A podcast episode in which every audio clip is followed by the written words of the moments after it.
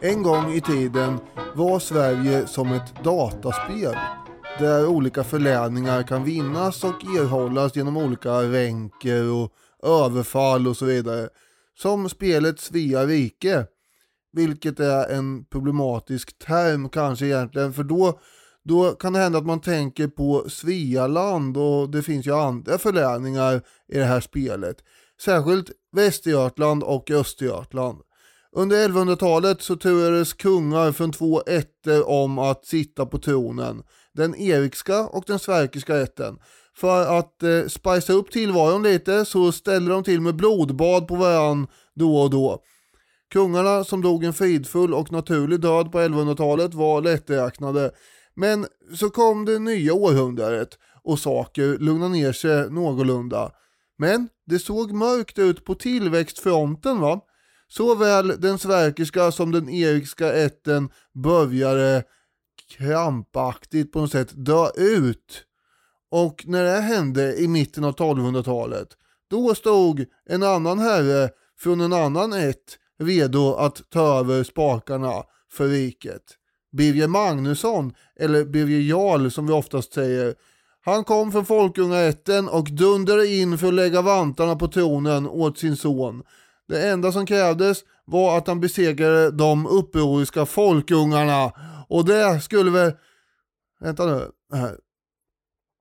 Var han från folkungaätten men hamnade och sen själv i krig med folkungarna. Vilka var då? Varför? Vem är, vem är folkunge och inte här egentligen? Ja, ja den här röran ska vi reda ut i det här avsnittet som kombinerar släktträdsfascination och riddardrabbningar. Polera svärdet och ta på brynjan för nu ska vi till svenskt 1200-tal.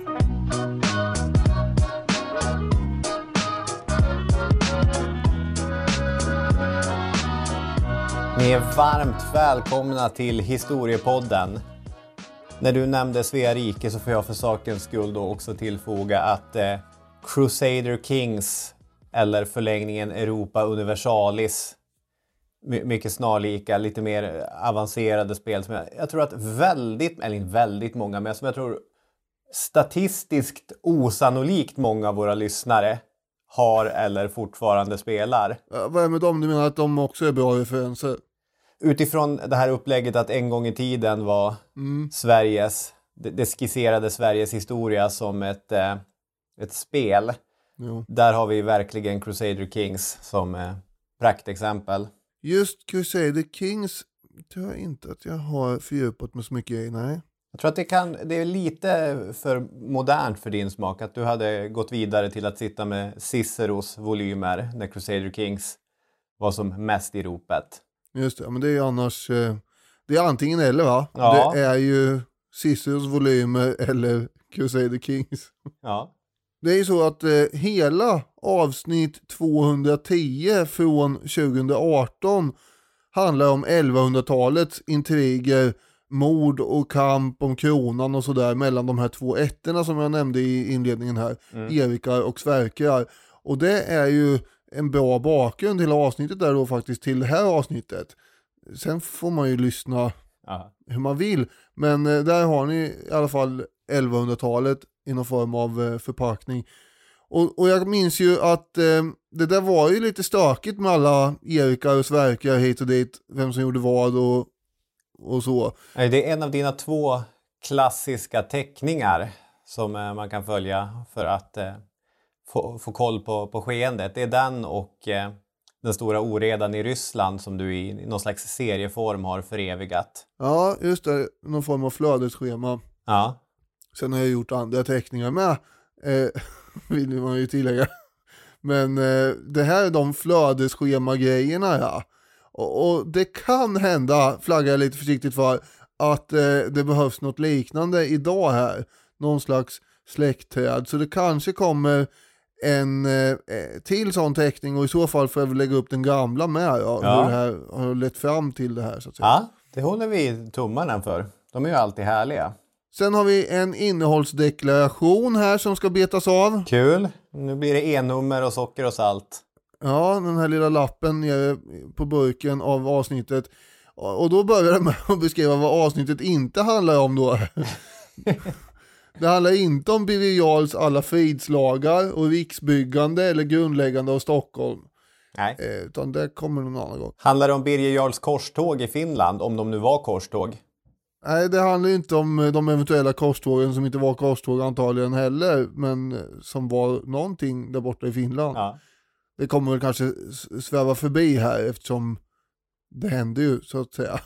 Men eh, vi fördjupar oss inte i det heller just idag.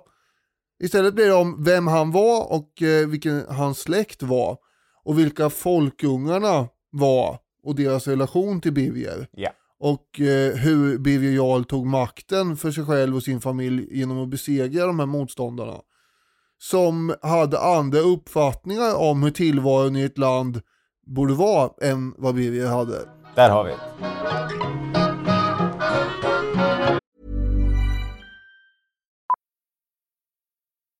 Millions of people have lost weight with personalized plans from Noom, like Evan, who can't stand salads and still lost 50 pounds.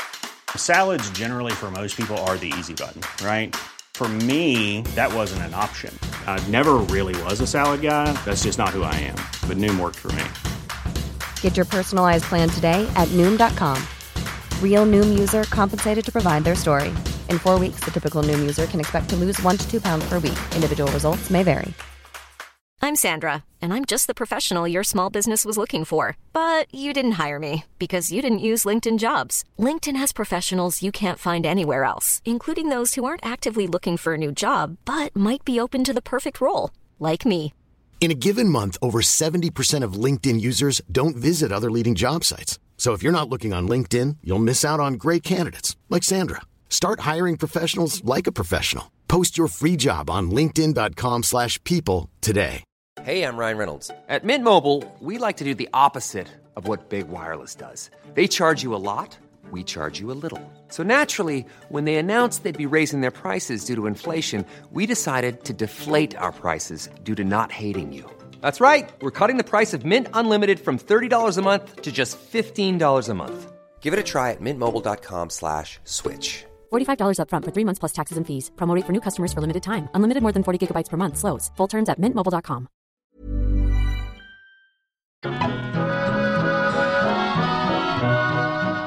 Ja, då kastar vi oss in i detta och förutom då runstenar så beskrivs ju äldre svensk historia mest egentligen av utländska betraktare. Det är Adam av Bremen, det är dansken Saxo Grammaticus, mycket starkt namn på den killen.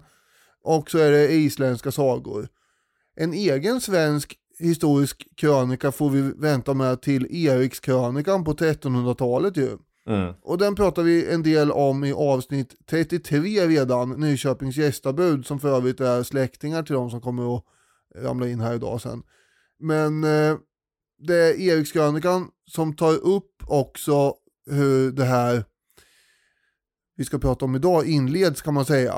Och eh, det är då den här kungen som heter Erik, men det är inte den Erik som Erikskrönikan handlar om.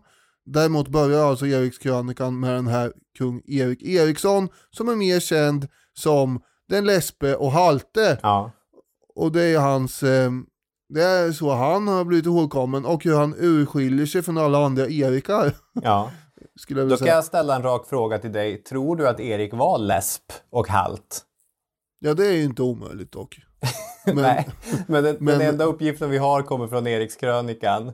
Ja, men det är för att vi har ju som sagt inte så mycket andra uppgifter. Nej. Eh, möj- möjligen, eh, ja, vi har ju de andra, men nej den st- står ju bara där. Jag tycker att det är lite gulligt hur um, svenska medeltidshistoriker de beklagar sig lite, de blickar avundsjukt mot Danmark och Norge som har lite tidigare och dessutom, om handen på hjärtat, lite bättre krönikörer. Att visst, Erikskrönikan, den är inte sämst. Den, den har något lite, nästan lite provinsiellt rart över sig och, och det finns slagkraftiga saker. Minnes IH-tunnaleken och, och a- allt vad det nu är. Men det är inte Saxus Grammaticus, det är det inte. Nej, nej. Han är ju lite längre tillbaka, det är, men det är skillnad. Och skriver på lite bättre, med lite bättre språk också. Det är lite bättre stil i det. Vilka medeltidshistoriker är det som gnäller över det här menar du? Nej, inte gnäller, men man, man läser in det. Dick Harrison är en sån till exempel, som har skrivit boken Jarlens sekel som vi har läst. Han skulle, han skulle gärna vilja att vi hade, ja det är klart man vill i och för sig, ha äldre källor som är bättre. Ja, jo. Så kan det vara, men nu är det inte så. Nej. Alf, Alf Henriksson skriver så här. Som portalfigur i vårt lands nationella historieskrivning står ehuru föga monumental konung Erik Lespe och Halte Ty med några vänliga rader om honom börjar serien av rimkrönikor från Sveriges medeltid. Mm. Och, och så är det ju. Där dyker han upp. Och han hade då en företrädare på tronen som hette Johan Sverkersson som då dog vid 21 års ålder på Visingsö 1222 och eh, den här Johan var den sista kungen vi pratade om i avsnitt 210. Just det. Han var både ogift och barnlös då vilket innebar att den sverkiska ätten dog ut med honom alltså. Men det fanns en enda liten, liten ung kandidat kvar till tronen mellan de här båda konkurrerande ätterna och det var den lille sexårige Erik som utan motstånd från någon hyllas som svensk kung när Johan dör år 1222. Ja, precis. Så han blir kung allra senast juli det året eftersom vi vet att han kröntes i slutet av juli 1223. Vi börjar ju ha länder här i Norden nu, Sverige är ett av dem, som börjar bli länder med fast organisation. En kungamakt som förvandlas från ett flyktigt överherradöme till en central samhällsinstitution som inte alltid stod och föll med kungens person. Som eh, den gamle gode Harald Gustafsson, historikern, har beskrivit det. Alltså om man föreställer sig de medeltida staterna som en teckning så börjar man ju när man ska teckna kalanka till exempel med att göra en mycket grov skiss. Ska du teckna kalanka så börjar du med att göra kroppen, den ser ut ungefär som en kidneyböna och så sen så gör du huvudet, det ser ut som en liten jordnöt och så sen kan du rita dit fötter och, och vingar och så. Den fyller man ju på med detaljer, näbb, kläder, ögon, allting. Det är fortfarande skissat men du börjar bli säkrare med handen. Och när man är helt färdig med teckningen då fyller man i med tuschpenna och suddar ut de gamla linjerna. Det är väl det som kanske Gustav Vasa gör. Fyller i med tuschpenna och suddar ut det gamla. Här tycker jag att vi är i mellansteget på en teckning som tar form. Det är inte längre bara en grov skiss utan det börjar ha fasta konturer. Men det är inte tecknat med tusch. Bara för tydlighetens skull nu, du pratar om landet Sveriges utveckling här. Ja, under Ja. Erik, Lesbe och Halte, där vi är 1223. För det är ju inte den mäktiga personen i form av en sexåring som utgör kungen. Utan det, det är ju att ämbetet kung här börjar bli en samhällsbärande institution. Och att kröna ett barn till kung, det har sina fördelar om man ingår i klägget runt det barnet. Och kring Erik så har vi massor av hans släktingar. Det finns en fosterfar och massa andra släktingar. En biskop, Bengt av Skara, som var kansler i Eriks förmyndarregering, som vi kan kalla dem. Och det finns två Ja. poänger att göra här. Den ena är larvig, den andra är relevant.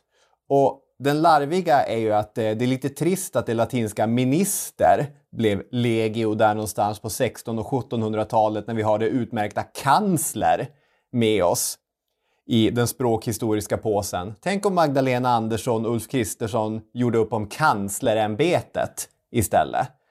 Det tror jag är precis vad som behövs för att få lite ordning och reda, fler germanska begrepp i politiken. Men den relevanta poängen, det är att förmyndarregeringen i ett diplom, alltid trevligt att få diplom, kallas för conciliari, vilket då blir rådsherrar. Så här har vi riksrådet för första gången i svensk historia. Tada! De viktiga landägarna och kyrkan som organiserar sig kring kungamakten för att bevaka sina egna intressen. Det är också viktiga sådana här konturer som dras på teckningen Sverige. Som du var inne på Daniel så har vi inte enormt mycket källmaterial eh, om eh, Erik Lesbö Halte så vi kan inte säga enormt mycket om den unge Eriks första sejour som kung. Om jag inte sa det så kommer han ju vara kung vid två olika tillfällen. Först när det bränner till i relationen till andra länder med längre gången administration, Norge, så syns han. För i Norge fanns ribbungarna som var en av många upproriska rörelser mot kungamakten. Och likt en modern gerilla som inte respekterar nationalstatens gränser så gömde sig den här norska upprorsrörelsen i Värmland. Och likt en modern stormakt som inte heller respekterar gränser så gick den norske kung Håkon av Norge in i Värmland för att slå ner ribbungarna. Och det fanns flera svenska stormän som tyckte att det här kräver ju för en vedergällning. Men mm. regeringen eller vad man nu ska kalla männen kring Erik, ville inte ha någon fejd med Norge så det blev det heller inte. Men varken vår härliga barnkung eller hans lika härliga råd verkar ha haft nog med liksom, gravitas för att hålla sig kvar vid makten. Utan det kommer bli uppror. Ja, fast det kan ju ha varit mycket väl så att en av de här eh, medlemmarna i rådet hade väldigt mycket gravitas och gjorde sig själv till kung. Ja. För eh, Knut Långe, som kommer bli nästa kung, är möjligt eh, identifierbar med en av de här rådsherrarna som också heter Knut. Ja. Och stödet för Erik är ju tydligen som sagt inte så starkt, utan 1229 görs ju det här upproret från den här grupperingen som vi kallar de äkta folkungarna. Och vad det är för innebörd i det begreppet återkommer vi till snart. Men man kan säga att de är anhängare till folkungar också och sådär. Så det är inte bara blodsband här. Men återigen, snart. Troligen i närheten av Eskilstuna så avgjordes slaget vid Olustra 1229. Mm. Och det slutade med att den då 13 år gamle Erik fick fly till släktingar i Danmark. Just det. Han la benen på ryggen. Men för att citera Cyberdance Systems Model 101, T101 tror jag, eh, långsökt, men jag har suttit på vår turné eh, och sett hela Terminator-serien. Så att eh, det är mycket, mycket sådana referenser. Erik säger I'll be back. I'll be back. När gjorde du det här på turnén? På nätterna när jag inte kunde sova. Ja just det, det var ju där jag hade himla bekymmer med. ja. Men jag har faktiskt också sett hela Terminator-serien. Det går ut för efter andra filmen. No, inte så mycket som man skulle kunna tro ändå. Jag, jag tycker att det håller. Ja. Att jag tycker det går inte alls så mycket ut för. Det går väl ut för efter fyran kanske eller något. Hur som helst, han eh, will be back ja. Folkungarna ledde alltså upproret, men om Knut Långe deltog i det eller inte, det kan vi ju inte säga. För om det är samma person som vi hade i den här förmyndarregeringen, då är det ju många historiker som har föreslagit att Knut Långe kan ha varit en kompromisskandidat. Mm. Att man liksom kastar fram någon, ja ah, men okej, okay, Erik hade ni svårt att tåla. Ska vi ta Knut istället? Han är ju en av historiens väldigt mystiska gestalter. Det är en av våra kungar i historien som vi nästan inte vet någonting om. Nej, eventuellt var han lång. Ja, det, det är ju ingen djärv gissning. För något åt det hållet antyder ju hans eh, tillnamn då, Knut Långe. Mm. Men eh, han ska ha hjälpt till att grunda skokloster i Uppland. Där är han också begravd. Mm, troligen. Överlag verkar han gilla dominikanerna. Sen blev inte Sko ett dominikanerkloster i längden, men det behöver vi inte fördjupa oss i just idag nödvändigtvis. Vissa revisioner av lagtext kan ha genomförts under hans regim. Mm. Men han satt ett kort tid på tronen, en mandatperiod ungefär, ja. mellan 1230 eh, till 1234. Sen blev han sjuk då antagligen och dog och om Erik hade återvänt till Sverige från Danmark före Knuts död är lite oklart. Mm. Men möjligen har han gjort det och i så fall finns det någon slags idé om att de eventuellt har samregerat i slutet där. Mm. E- Erik Eriksson, Lesbe Halte och Knut Långe. Erik blev i alla fall ensam kung igen år 1234. Mm. Det, det som man lyfter fram för att eh, stödja det här är att Ulf Fase som var jarl under eh, Knut Långe, han sitter kvar när sen Erik tar över. Och jarlen var ju viktig, även om det inte fanns någon entydig funktionsdelning som det står på Nationalencyklopedin när det gäller eh, kungen och, eh, och jarlen. Ibland får man ju lite känslan att eh, det är som sultanen och visiren, att jarlen har väldigt mycket makt. Men Ja. det, det är ju inte så institutionaliserat och inte så strukturerat. Men, men jarlen var viktig och jarlen fick sitta kvar trots att vi byter kung. Så att det ska ha varit någon dramatisk krigisk uppgörelse som bäddade för Eriks återkomst, vilket Erikskrönikan lite grann vill göra gällande. Mm, det är inte säkert. Nej.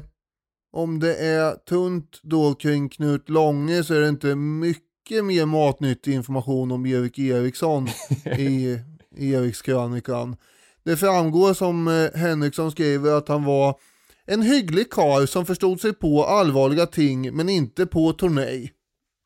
Han eh, hade någon slags eh, förståelse för allvarliga saker men tyckte inte om turneringar och eh, krig i allmänhet kanske. Nej, det är en tunn soppa. Ja, det är det. Men det går att eh, tillaga den här soppan med lite eh, salt.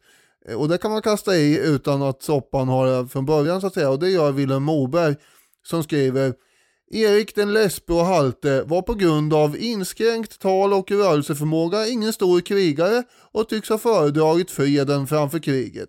Han ska därför ha varit omtyckt av allmogen. Mm.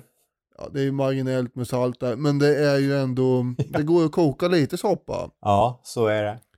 Och Harrison han menar ju just då att källäget, Dick Harrison alltså, källäget är för dåligt för att ha särskilt stora eh, spekulationer kring någonting egentligen här. Man kan inte utgå från att Erik var en politisk nolla som han skriver, Nej. att andra historiker har antagit. Men man kan konstatera att eh, det, det tycks vara så att stormän runt Erik har haft stort inflytande Mm. hur som helst. Mm.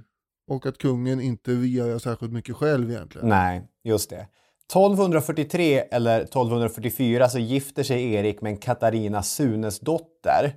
Och hennes pappa, Sune Folkesson, vet vi tillhörde kretsen folkungar som hade satt sig upp mot Erik när Erik var nio år gammal eller vad han nu var.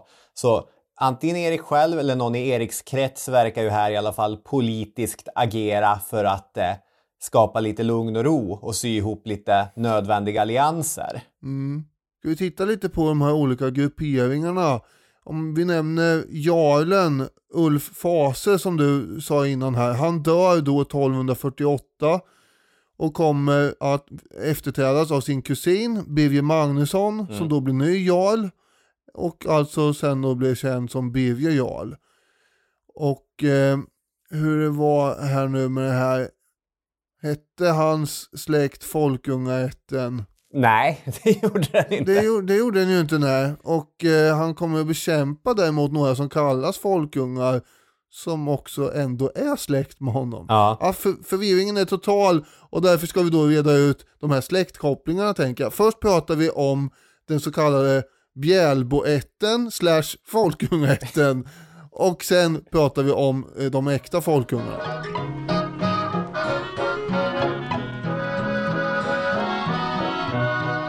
År 1616, fyra sekler efter de här händelserna, så kallade författaren Johannes Messenius Birger Jarls grundare ett för Folkungaätten. Mm. Och eh, som Harrison skriver, deras historia är färgstark och spännande, fylld av förräderi, uppror, maktlystnad, digerdöd, korståg och högtflygande ambitioner. En sådan släkt vill man gärna namnge, även om inget historiskt korrekt finns till hands. Mm. Och eh, det är lite förvirrande som sagt, för den här kungaätten som Birger Jarl kommer att etablera på den svenska tronen har ju aldrig själv kallat sig för folkungaätten. Nej. Och Birger Jarl ställdes ju militärt däremot mot några som på riktigt kallade sig för folkungar. Ja. Och de var ivriga fiender till varann. Men för att komplicera det hela så var han också släkt med de här äkta folkungarna.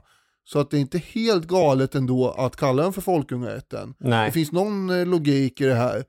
Men idag har vi en annan benämning för det hela, vilket då är Bjälboätten, de eh, ättlingar till Birger Jarl som styrde Sverige mellan 1250 och 1360. Mm. Eh, Bjälbo är då efter platsen i västra Östergötland där Birgers familj höll till. Mm. De här 1600-talshistorikerna de grundade sig ju på en 1500-talskälla som menade att Birger Jarl stammade från Folke Filbyter som eh, grundade Pirate Bay och hela tiden bytte fil när han låg på motorvägen och, och allt sånt där. Nej. Ja, filbyte ska vi prata om här tänker jag. Ja, Eh, men jag, ska, jag håller bara på att tramsa, jag tycker att det är ett kul namn. ja, du tycker det är jättekul det här med att eh, han har grundat Pirate Bay och byter filer fram och tillbaka. ja, det, det, det vi, tycker ska jag. väl, vi kan väl prata om det verkligen var så att han höll på att byta fil. Själva poängen är ju, du, du ska absolut få gå igenom hela den här historien och så. På 1930-talet, när en ny generation källkritiskt skolade historiker började sätta sina vässade tänder i materialet, så kom man ju fram till att den här 1500-talskällan, den var inte pålitlig. Nej. Och då följer ju liksom den, den vetenskapliga grunden till att kalla det som vi idag kallar Bjälboätten, eller det som många idag kallar Bjälboätten för Folkungaätten, det var liksom byggt på ett historiskt missförstånd. Ja men alltså problemet är väl att det bara är den här källan och att den källan från 1500-talet är en avskrift från någon äldre som vi inte vet vad det är och det kan vara ihopblandat och så. Just det. Och den är ju i sig då alltså flera hundra år efter det här hände.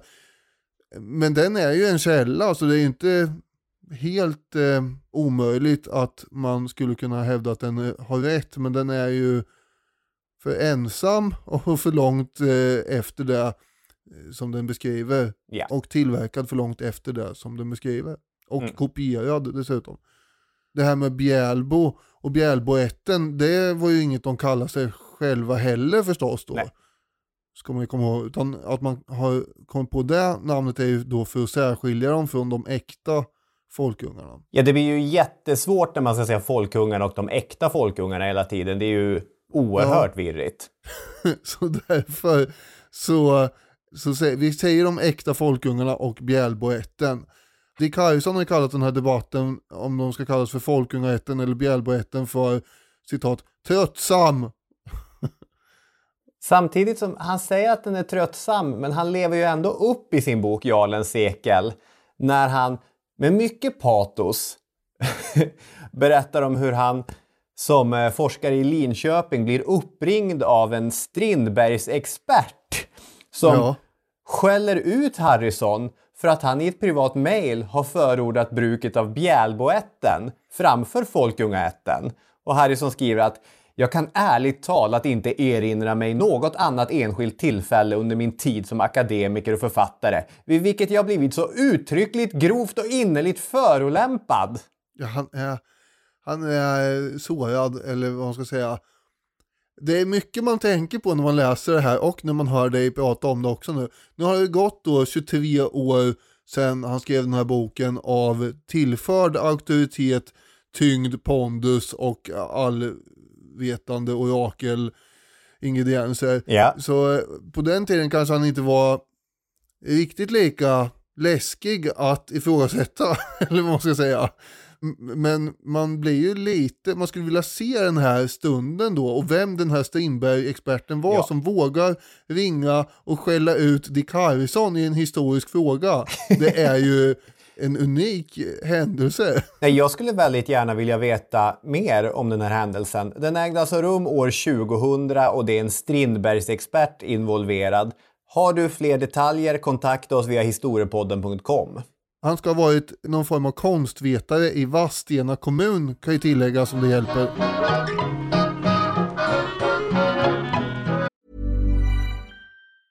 Burrow is a furniture company known for timeless design and thoughtful construction and free shipping, and that extends to their outdoor collection.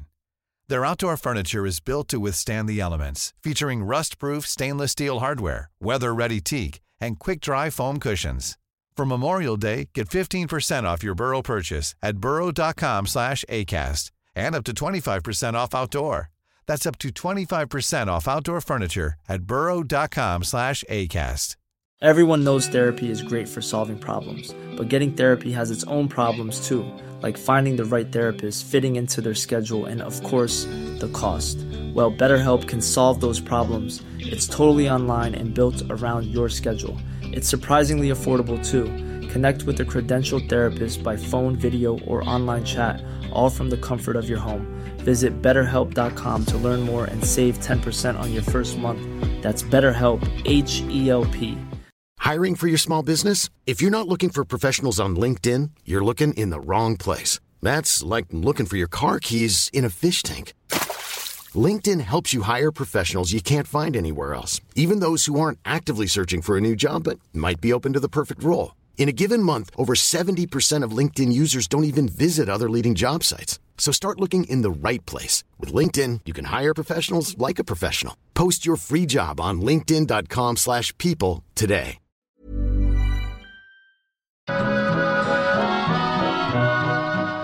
Apropå den här Folke Filbyter då. Mm.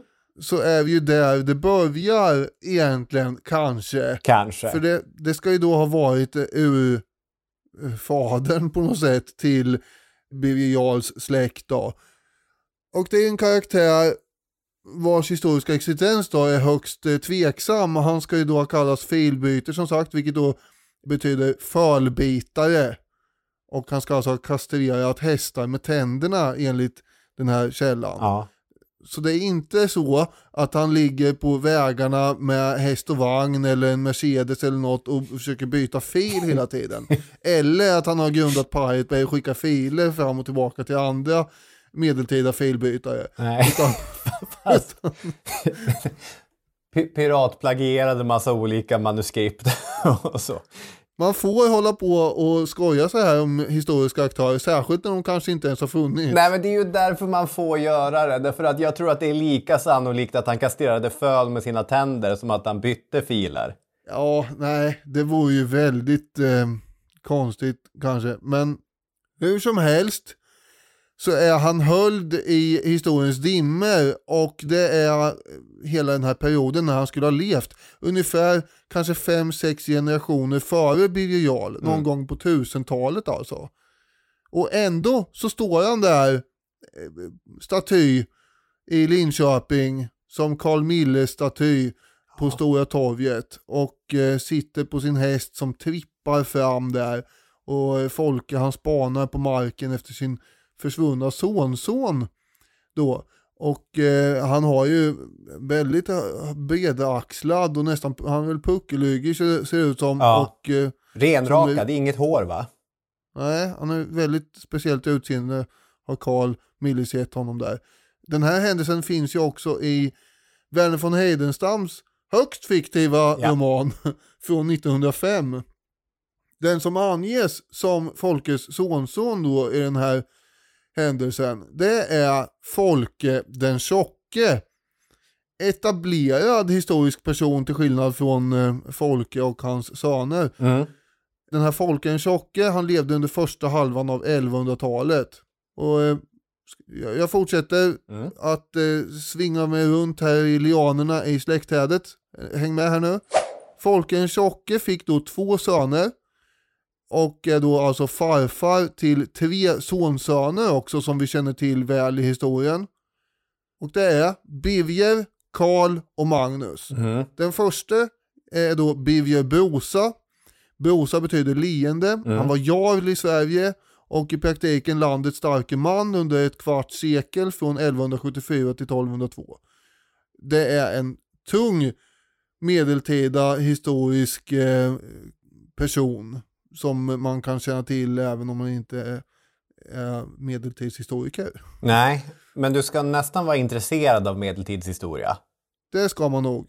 Jag tycker väl att när vi kommer till Birger Jarl sen, då kanske man ska känna till honom Ja. även om man inte är intresserad. D- där är det ju allmänbildning. Men Birger Brosas bröder, Karl den döve som också var jarl, det är ju fortfarande en väldigt svår På spåret-fråga. Ja, den är ju, den är svår ja. Och Den är svår. Tredje brorsan, Magnus Minnesköld, Birgers pappa. Birger Jarls pappa. Ja. Exakt. Och så kan man tillägga att Karl den döve hade en son då också som var Ulf Fase, den här eh, kusinen till Birger Jarl som eh, kommer dö Ja. eh, och som Birger Jarl efterträdde. Just det, som, som också var Jarl. Det, det viktigaste, egentligen det enda som jag känner att jag vill ha sagt här då, är att folkunge då kommer av Folke den tjocke. Alltså de är folkungar, de här. De är inte folkkungar eller någonting, utan det, det är unge till folk. Ja, ja. Alltså, jag tror att det är jättemånga som lite i farten har hört det här uttrycket och tänkt att det är folkkungaätten. Ja, just det. Ja, nej så är det inte, utan det är ungar till någon folke. Och det kan vara Folke den tjocke. Det är det som lite grann antyds då i den här källan från 1500-talet eller möjligen Folke Filbyte då. För i så fall så är ju även Birger Jarls gren folkungar kan man säga. För de kommer ju under Folke den tjocke. Men man får ju fortfarande komma ihåg att de kallar sig själva inte för folkungar än.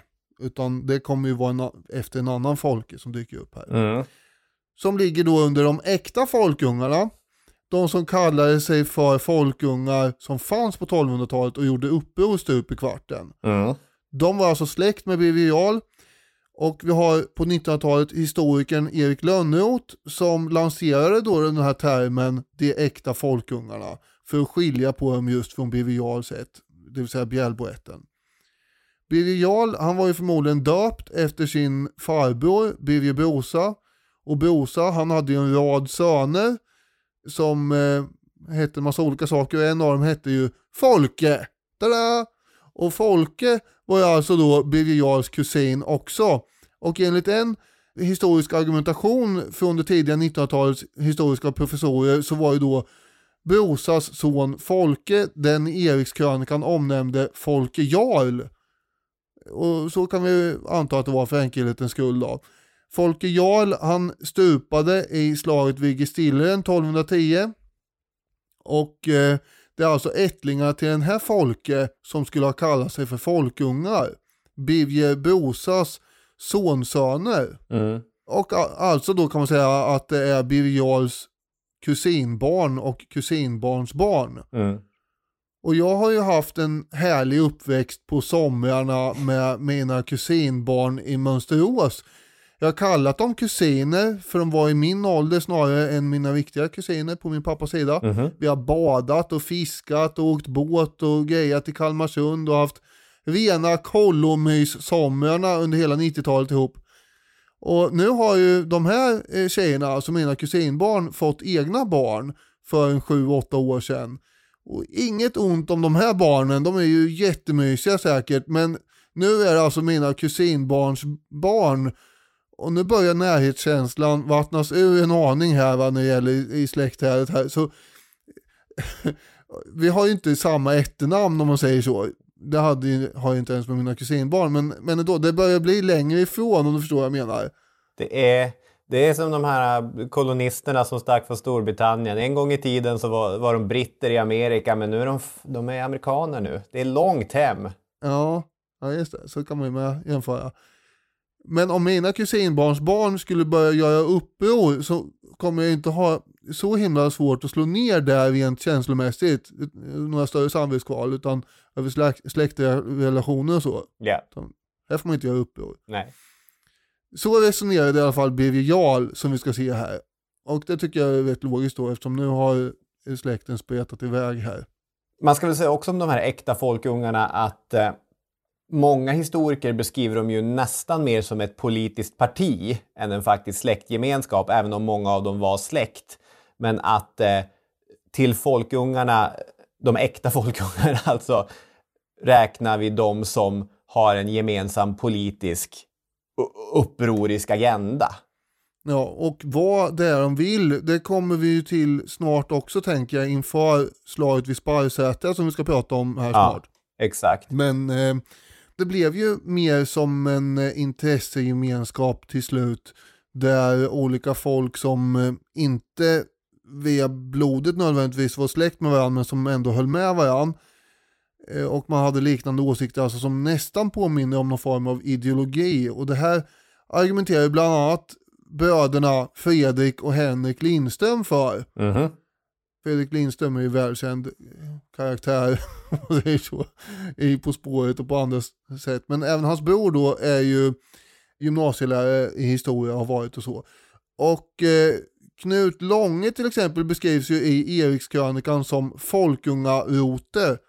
Och eh, Fredrik Lindström är ju mycket för det här med språk om man säger så. Mhm. Och eh, förklarar då att rote betyder ju grupp eller samling krigare.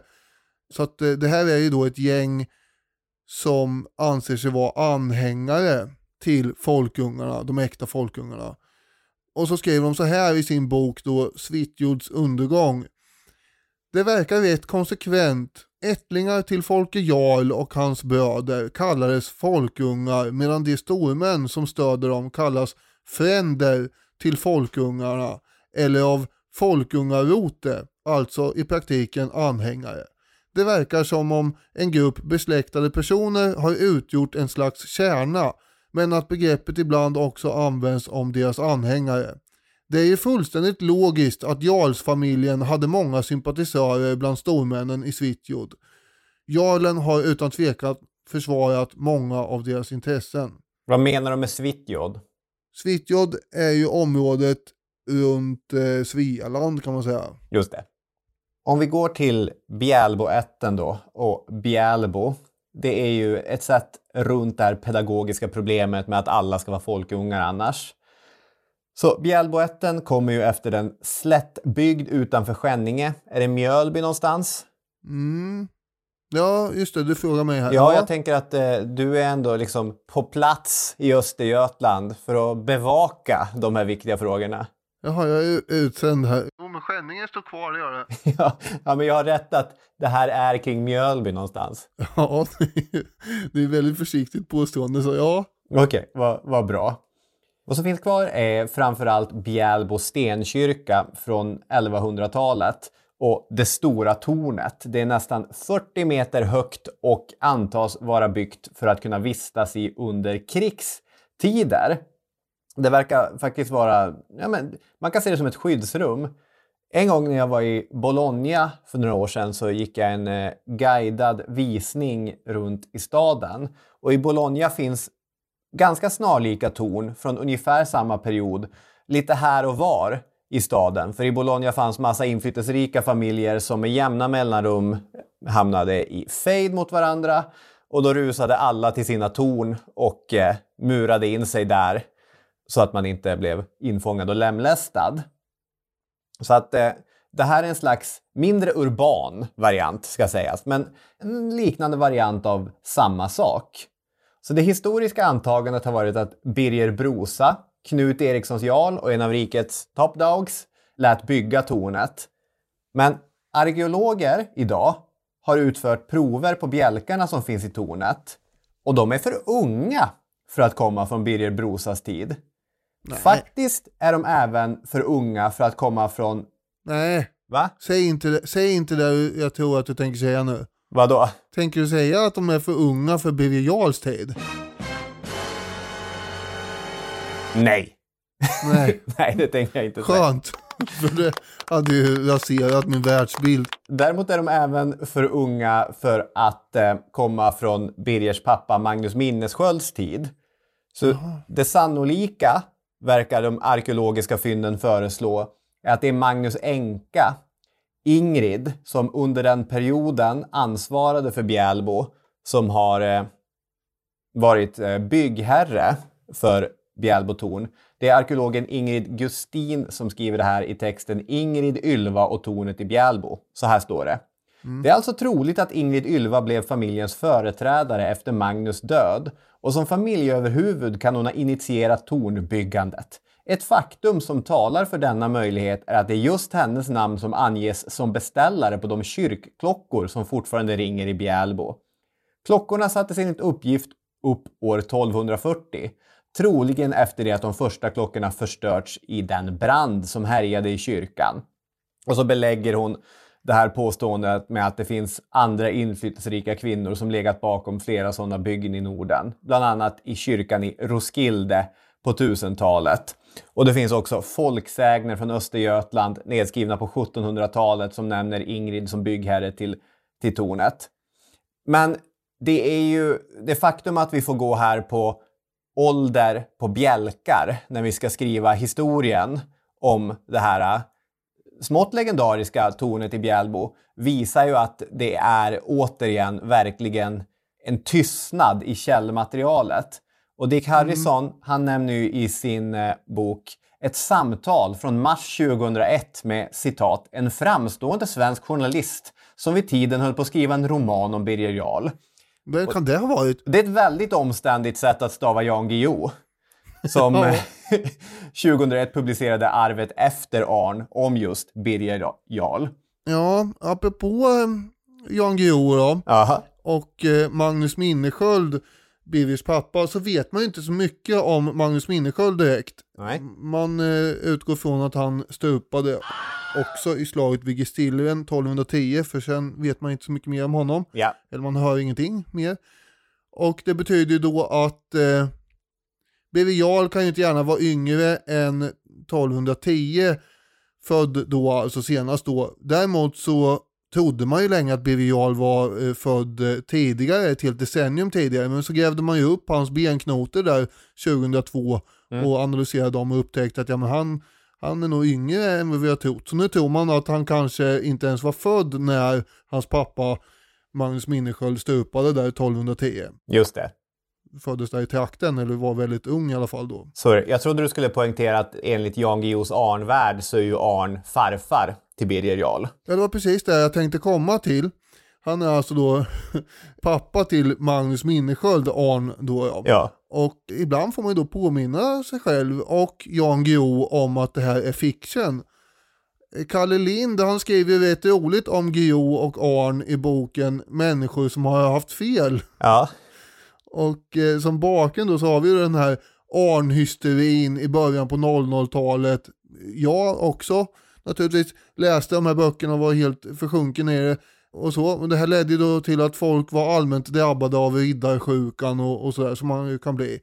Busslaster åkte kors och tvärs mellan olika svenska kloster för att se var Arn hade levat.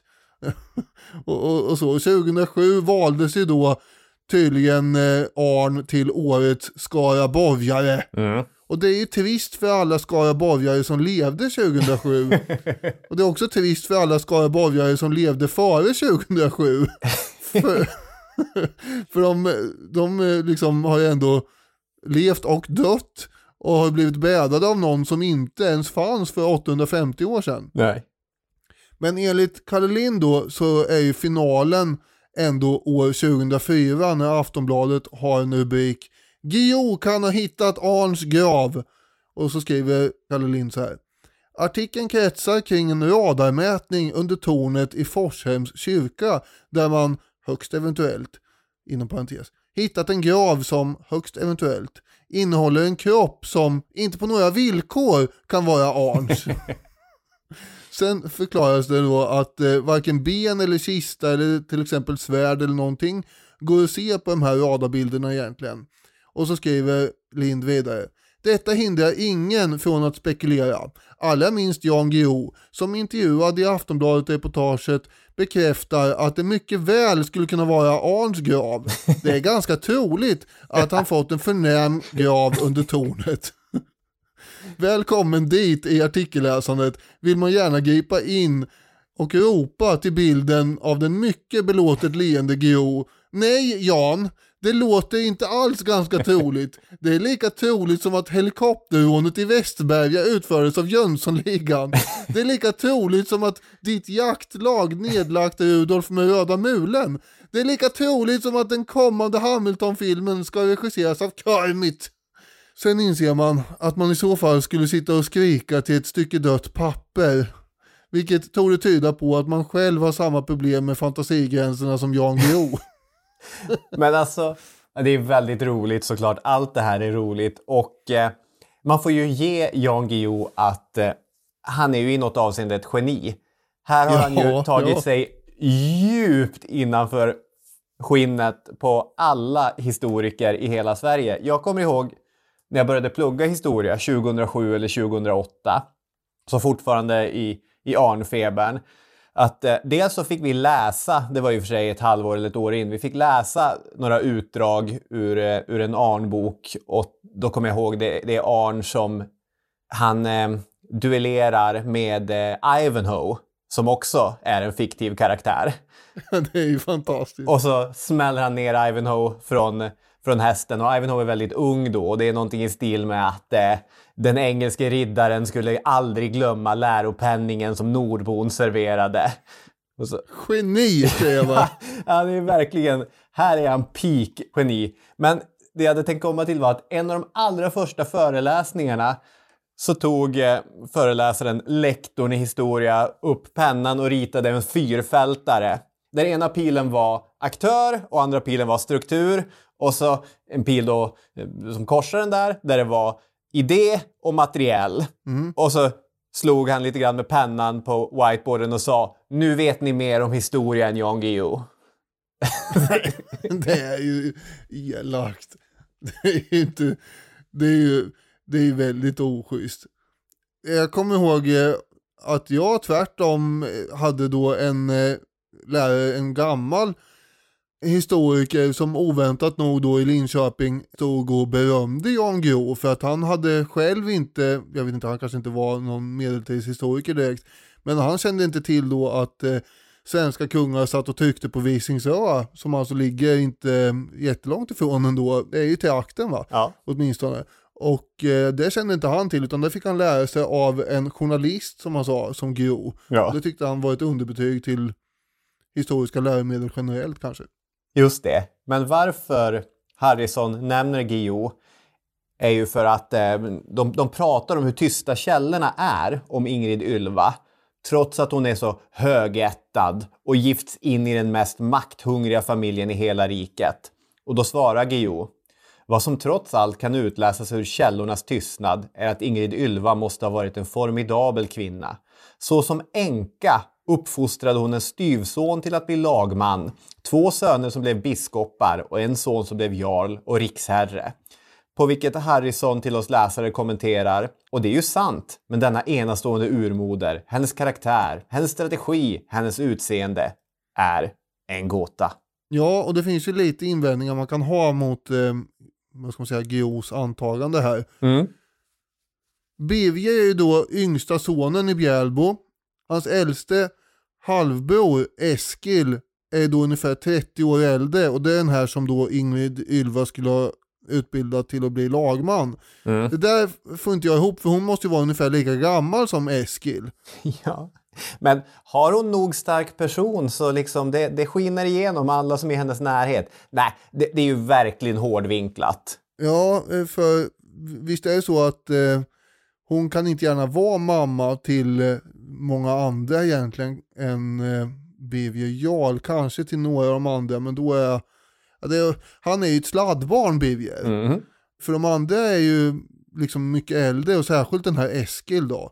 Så att i viljan att göra Ingrid Ylva till en fantastisk kvinna som har eh, liksom uppfostrat alla de här så glömmer man bort att eh, hon dör omkring 1251 och då är hon ju alltså, om hon ska ha varit mamma till Eskil också, så måste hon ha varit ungefär 100 år och det tror jag inte. Nej, och det blir ju så. Alltså vi vet ju att som änka i det här medeltida samhället, framförallt som änka till en storman, så har man möjligheter som andra kvinnor inte har. Hon kan ha varit byggherre till, till ett mäktigt torn.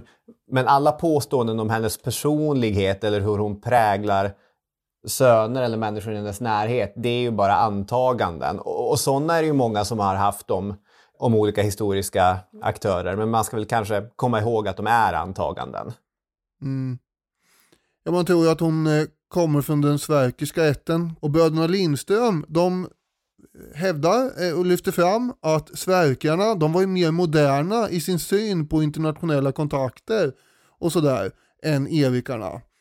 Och eh, i just eh, Arn-världen för övrigt så är det en negativ sak för då, då kan man ju då måla upp eh, någon form av gemenskap med de hemska danskarna och att man är i maskopi med dem och, och i filmvärlden då så blir det ju röda skynken och elaka svarta gripar och det blir ondskefullhet av det hela. Ja. Men i en annan värld så kan man ju säga då att eh, man var öppen för att eh, kommunicera med andra länder och man hade också bättre kontakter med påvemakten än till exempel de lite mer inskränkta erikarna som i filmerna om Arn och i böckerna då får eh, illustreras genom eh, att försvara det svenska kan man säga Mm. emot Sverkerna och deras danska konspiratörer. Mm. Och det är liksom gult och blått för det råkar ju vara då folkungarnas också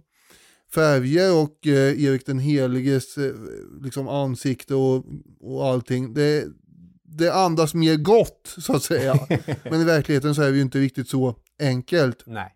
Och Lindströmarna vill i alla fall gärna få det till att den här attityden hos Ingrid Ylva överfördes på Birger. Alltså att han eh, var öppen för eh, kontakter utåt och det vet vi ju sen då av verkligheten att eh, han hade ju lätt att eh, skapa och knyta kontakter med till exempel påvekyrkan och eh, förmodligen kunde han ju mycket latin och sådär också vilket eventuellt hon kan ha hjälpt till att utbilda honom i. Men återigen som du säger, det blir mycket antaganden här.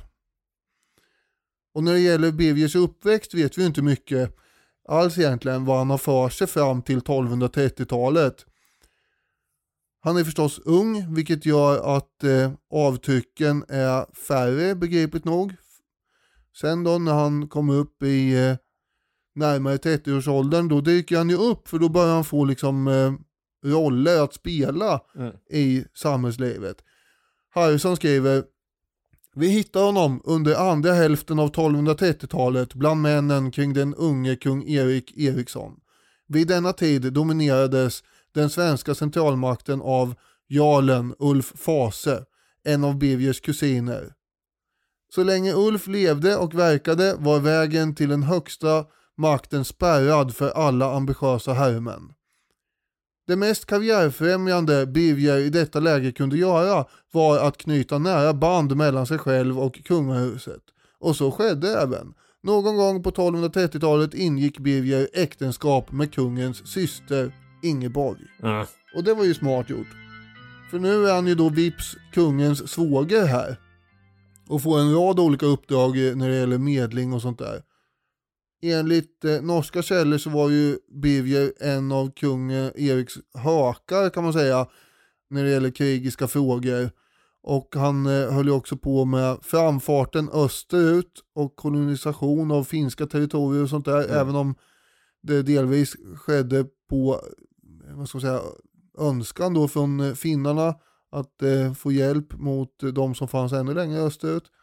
Det där är en process i alla fall som Birger håller på med lite grann i slutet av 1230-talet. Det är krig mot tavasterna också som besegras och kristnas och så. Ryska källor anger ju ett eh, slag 1240 vid Neva och det kan ju ha varit så att Birger var med där, troligt var han i Finland vid den här tiden i alla fall. Mm. Och eh, svenska källor nämner ju inte det här slaget alls i och för sig knappt eftersom det gick åt skogen. Och då bör man inte påpeka för mycket om det hela. Men eh, det kan ju ha varit så då att eh, svenskarna hade en eh, skjuts österut för att liksom passa på att roffa åt sig lite mark där. För det här är ju samma veva som mongolerna håller på och vevar Mm. så att säga där borta. Och då var ju Novgorod ganska illa ute och, och då kan det ha funnits eh, goda skäl att eh, försöka få åt sig lite mer i eh, trakterna där mellan Novgorod och eh, de kolonier man hade i Finland. Just det. Men det gick inte då utan man eh, mötte patrull. Och på Birgers benrester så kan man ju då se svärdshugg och, och sådär, bland annat då ett ovanför ögat. Och det här kan ju ha hänt när som helst förvisso. Inte alls säkert att det var i slaget vid Neva, Nej. utan han var ju, han var ju och veva vid, vid fler tillfällen som vi kommer att se. Bland annat då ett synnerligen händelserikt tillfälle och år 1247.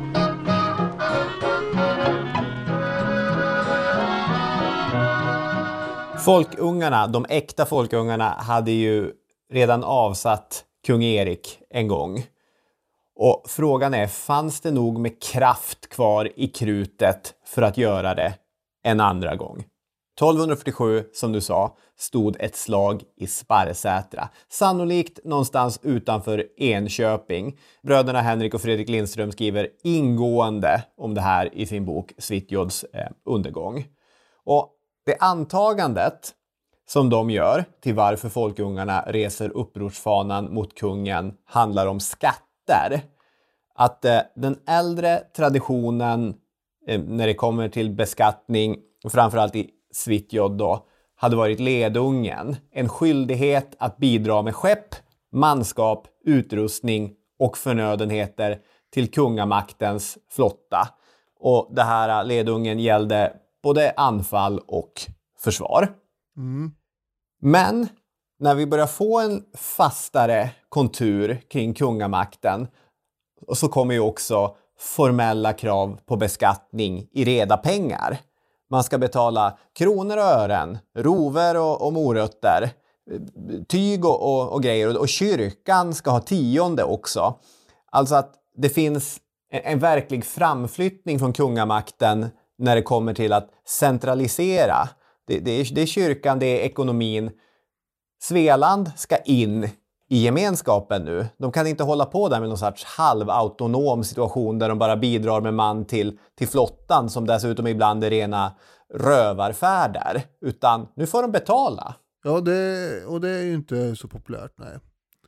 Men det, man vill ju att de ska hosta upp skatt i form av pengar eller natura som du säger. Och det har ju Götalandskapen accepterat sen tidigare. Mm. Så varför inte de här? Men folkungarna antas då alltså ha varit för då decentralisering, för det gamla stormannaväldet i Svealand och för de gamla rättstraditionerna. Och, och därmed då också emot kunglig arvsrätt och det här, för traditionellt ska ju kungen väljas. Så de, är, de har åsikter och med hjälp då av eh, allianser med stormän i Svealand så kan man då skapa en eh, motståndsrörelse, en armé. Exakt. Och i sin bok så åker då bröderna Lindström ut till en slätt nordost om Enköping, Sveriges närmsta stad, och öppnar sina sinnen för historiens vingslag.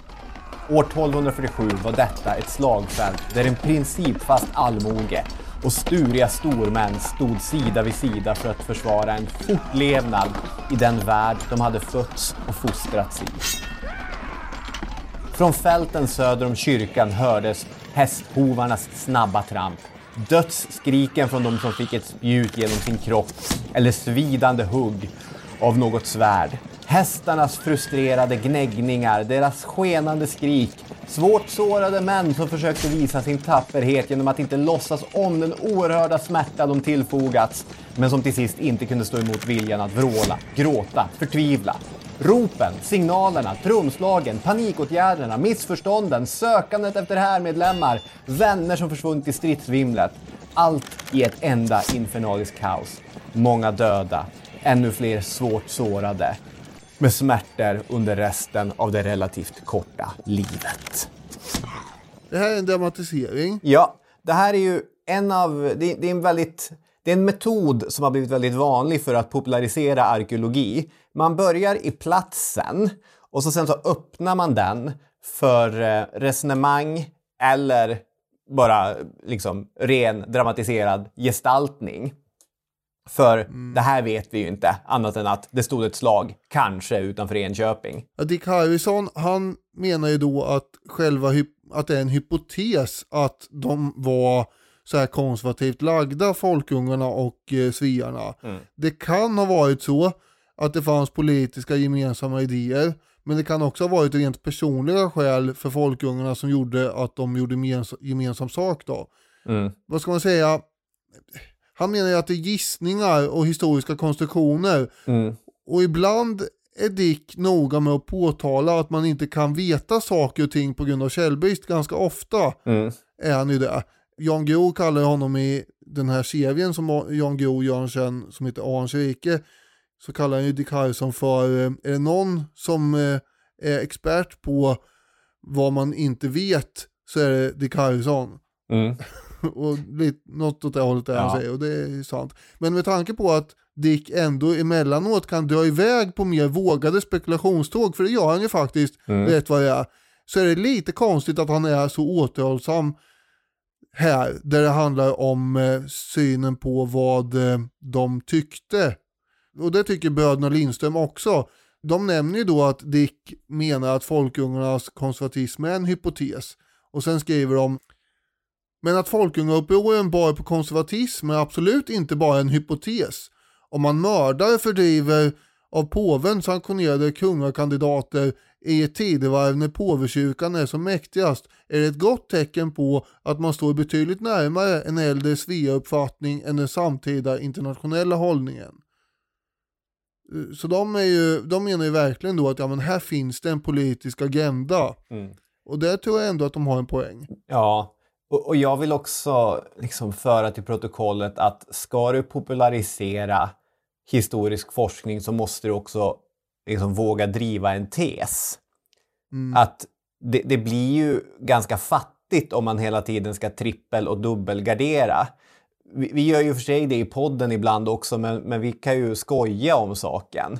Ja. Även om det är en hypotes så är det ju en bra hypotes och då måste man ju få skriva populariserat om det. Ja, det måste man ju få göra.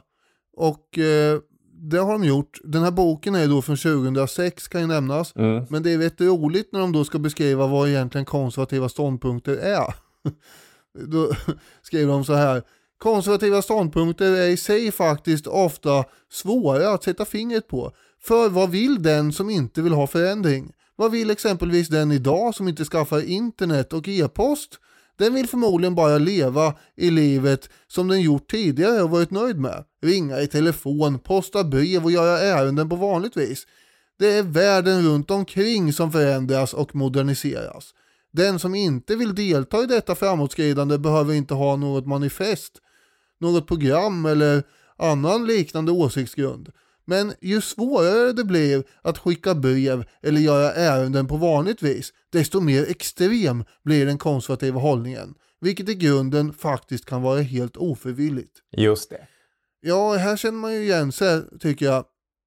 Det kan ju vara så att man plötsligt blir konservativ om man försöker betala för sin skjorta eller hamburgare med sedlar till en livslevande människa idag. Ja. Då är man ju där i Sverige, även om man inte skulle betraktas som det i alla andra länder. Men Sverige är ju lite av ett extremt laboratorium för nymodigheter. Och där eh, kan man ju då enbart handla kläder och annat för digitala pengar på pekskärmar i en butik utan behjälplig personal i sikte. Och om man då tycker att "Nej, men jag har ju en sedel här och vill gärna överräcka det till en människa, då är man konservativ helt plötsligt då i någon mening. Tänk, tänk att, du, att vi skulle göra det här till ett avsnitt om myntupproret eller kontantupproret eller vad de nu heter. Nej, det, det är verkligen inte. Men det är ju en jämförelse med de här folkungarna och sviarna, för de vill ju leva så som de alltid har Ja. levt.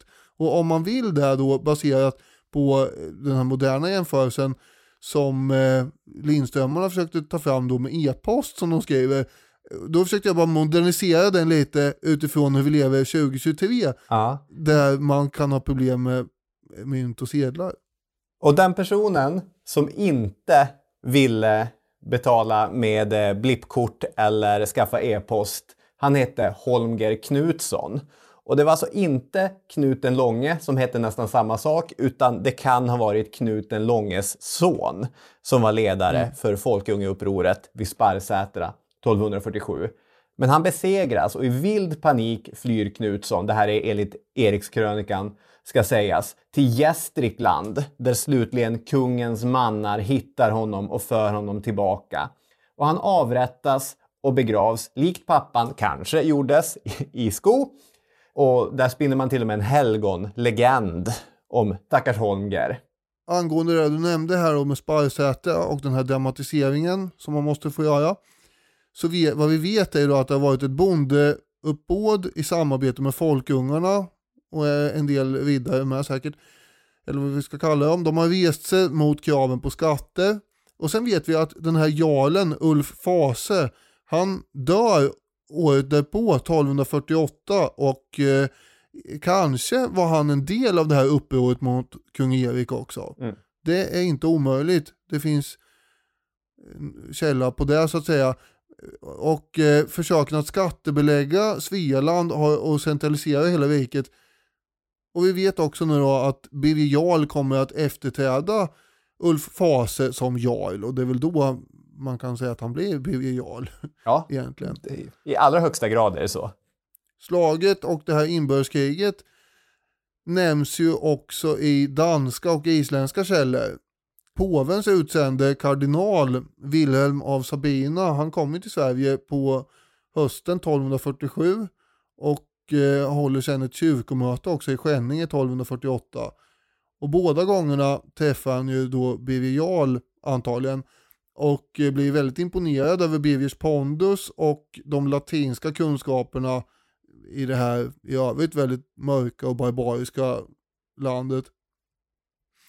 Och det var ju få, förutom Birger Jarl då möjligen, som kunde latin. Mm. Och det var ju han som var den mäktiga personligheten på den här tiden. Så det måste ha varit Birger som Wilhelm av Sabina träffade. Och också att eh, mötet förläggs till Skänninge, eh, helt apropå, som råkar ligga i närheten av Bjälbo. Ja.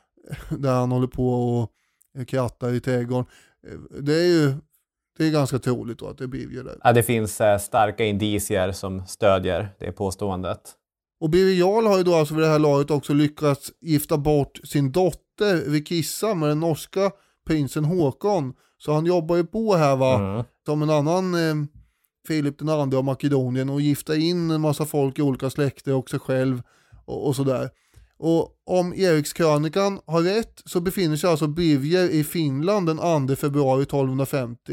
Mm. Och nu kommer det bud om att kung Erik Eriksson med det elakartade tillnamnet Lesbe och Halte har dött Mm. 34 år gammal. Barnlös. Barnlös. Sista Eriken. Och eh, nu gäller det att lägga iväg som en rem som ett skott mot Sverige. Och det gör Birger och det visar sig att när han kommer fram så har man redan valt nästa kung. Och det var Birgers son, Valdemar. Vilket då är fullt eh, genomförbart eftersom det är då kung Eriks systerson. Mm. Så det finns ju ett släktband där. Japp. Och tro, troligen hade väl inte Birger jättemycket emot det här valet va? Nej. Även om Erikskrönikan anger annat. Ja, exakt. Jag tänkte att eh, vi kanske där kan slå till med ett Vad säger Grimberg? Oh vad trevligt. Vad säger Grimberg?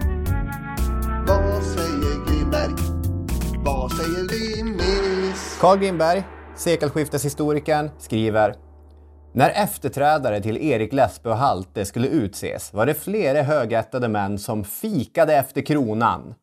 Till förekommande av inre strider skall en mäktig man vid namn Joar Blå ha i all hast ställt om att Birger Jarls son Valdemar blev vald till konung. Denne var nämligen son till konung Eriks syster och alltså av kungligt blod. Valet ägde rum medan Birger Jarl höll på att omvända tavasterna. Men hem kom han, mörk i hågen över att han ej själv blivit vald. Herr Joar skall då ha sagt till honom, vill du ej hava det som det är, så veta vi nog var vi kunna finna en konung. Vem vilje ni då hava till konung? sporde Birger. Då svarade herr Joar Blå. Ur denna kappa jag bär skulle jag väl och kunna skaka fram en konung. Till dessa ord yttrade jarlen intet. Han var klok nog att tyst ge efter. Det blev ju ändå han som fick regera. Ty Valdemar var ännu helt ung. Och det här är ju den traditionella berättelsen som Carl Grimberg drar här. Att eh, Joar Blå drar en fräckis och säger att eh, duger det inte med att eh, vi väljer din son till kung så kan jag ju alltid skaka fram en egen kandidat ur mi- min, min säck. ja, ja, precis. Vad han menar är att han kan ju ligga fram en ny kung då, själv om det skulle Ja, inte passa. Och det är ju en fräckis, ja, vilket man får tänka efter lite innan man fattar att det är. eh, Eventuellt. Och det här är ju Erikskrönikan som anger, så att eh, Carl Grimberg, han går ju på den källa vi har här. Mm. Och det är först mer petiga historiker i efterhand som kommer och säger att det här låter inte troligt. Nej, i NE står det till exempel Det är inte troligt som Erikskrönikan gör gällande att det skedde samtidigt med kungavalet att Birger Jarl anlade borgen i Tavastehus. Krigståget ägde förmodligen rum i slutet av 1230-talet och fortsatte 1240 i ett misslyckat anfall mot området kring Nevas mynning. Och Dick Harrison eh, menar också att eh, varför skulle Birger Jarl varit missnöjd över att inte han blev kung? Han visade aldrig varken förr eller senare någon vilja eller längtan till att bli konung. Så att eh, det är. Erikskrönikans ganska frejdiga berättelse. Det är, det är många små hål som petas med olika nålstick på den. Däremot så låter ju Dick Harrison det vara öppet, fullt möjligt eh, att eh, han befann sig i Finland för att kanske installera någon biskop eller något sånt där. Just. Om man nu tycker att eh, det är viktigt. Och, och det kan det ju ha varit eftersom valet redan uppenbarligen då enligt Erikskrönikan i alla fall hade ägt rum när han kom dit. Det var fullbordat faktum. Och så kan det ju ha varit. Ja.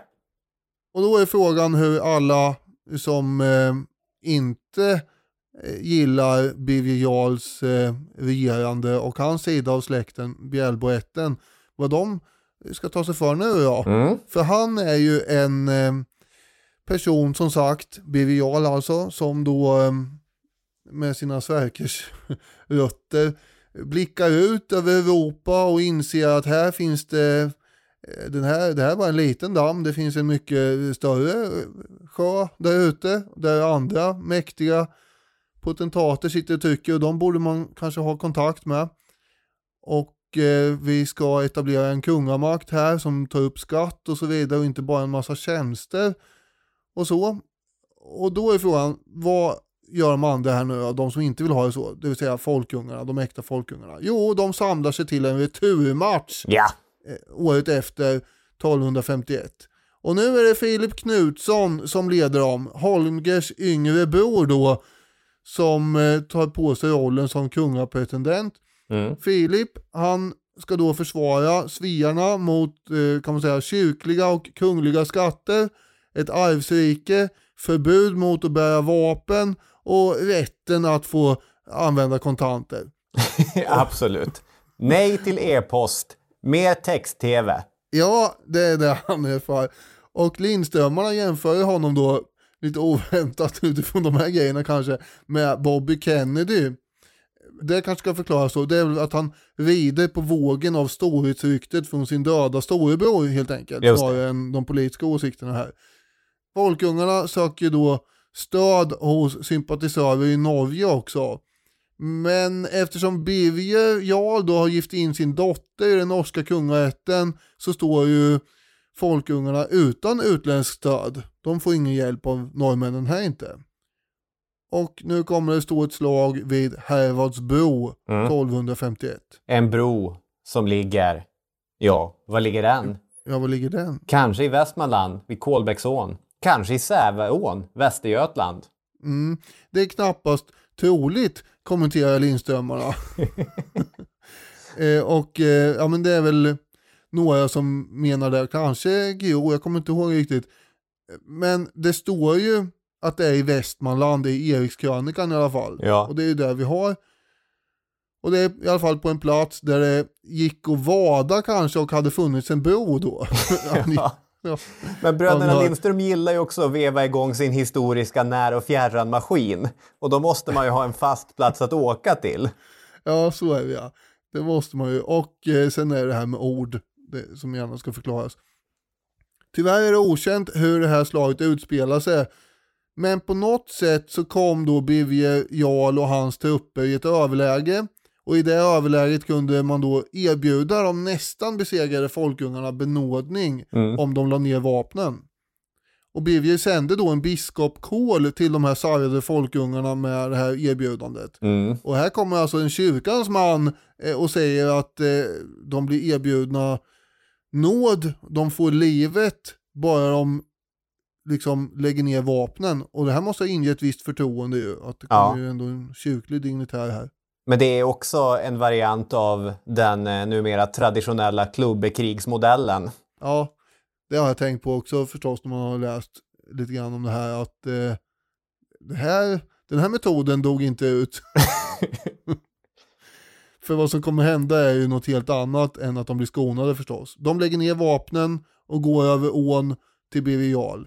Och det skulle de inte ha gjort. Nej, de blir svikna i rättan tro, skriver Mm. Erikskrönikans författare. Kill them all! Som Jan Guillou uttrycker det i sin dokumentärserie. Ja.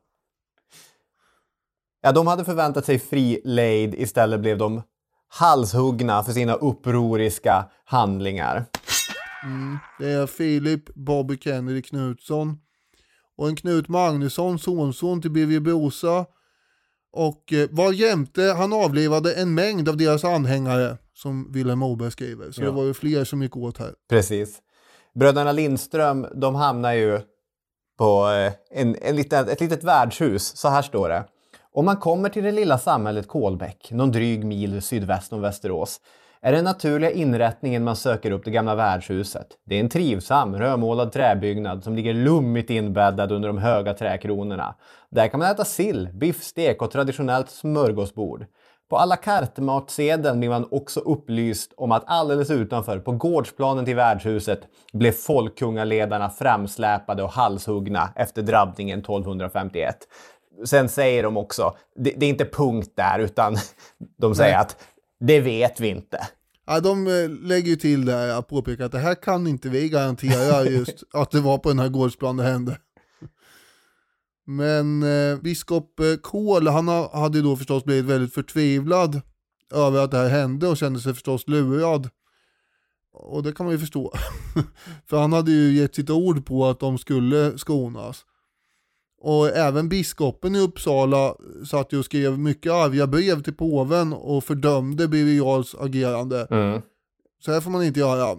Och eh, trots att biskopen i Uppsala gjorde det så var ju påven inte alls missnöjd va? Tvärtom. Det här var ju hans gubbe som hade vunnit. Just det. Och påven delar ju snabbt ut då förlåtelse för allt eh, ont och elakt som Birger har gjort. Och dessutom fick han tre månaders extra förlåtelse in i framtiden för diverse saker som man eventuellt skulle kunna göra under den tiden. och det var ju väldigt passande.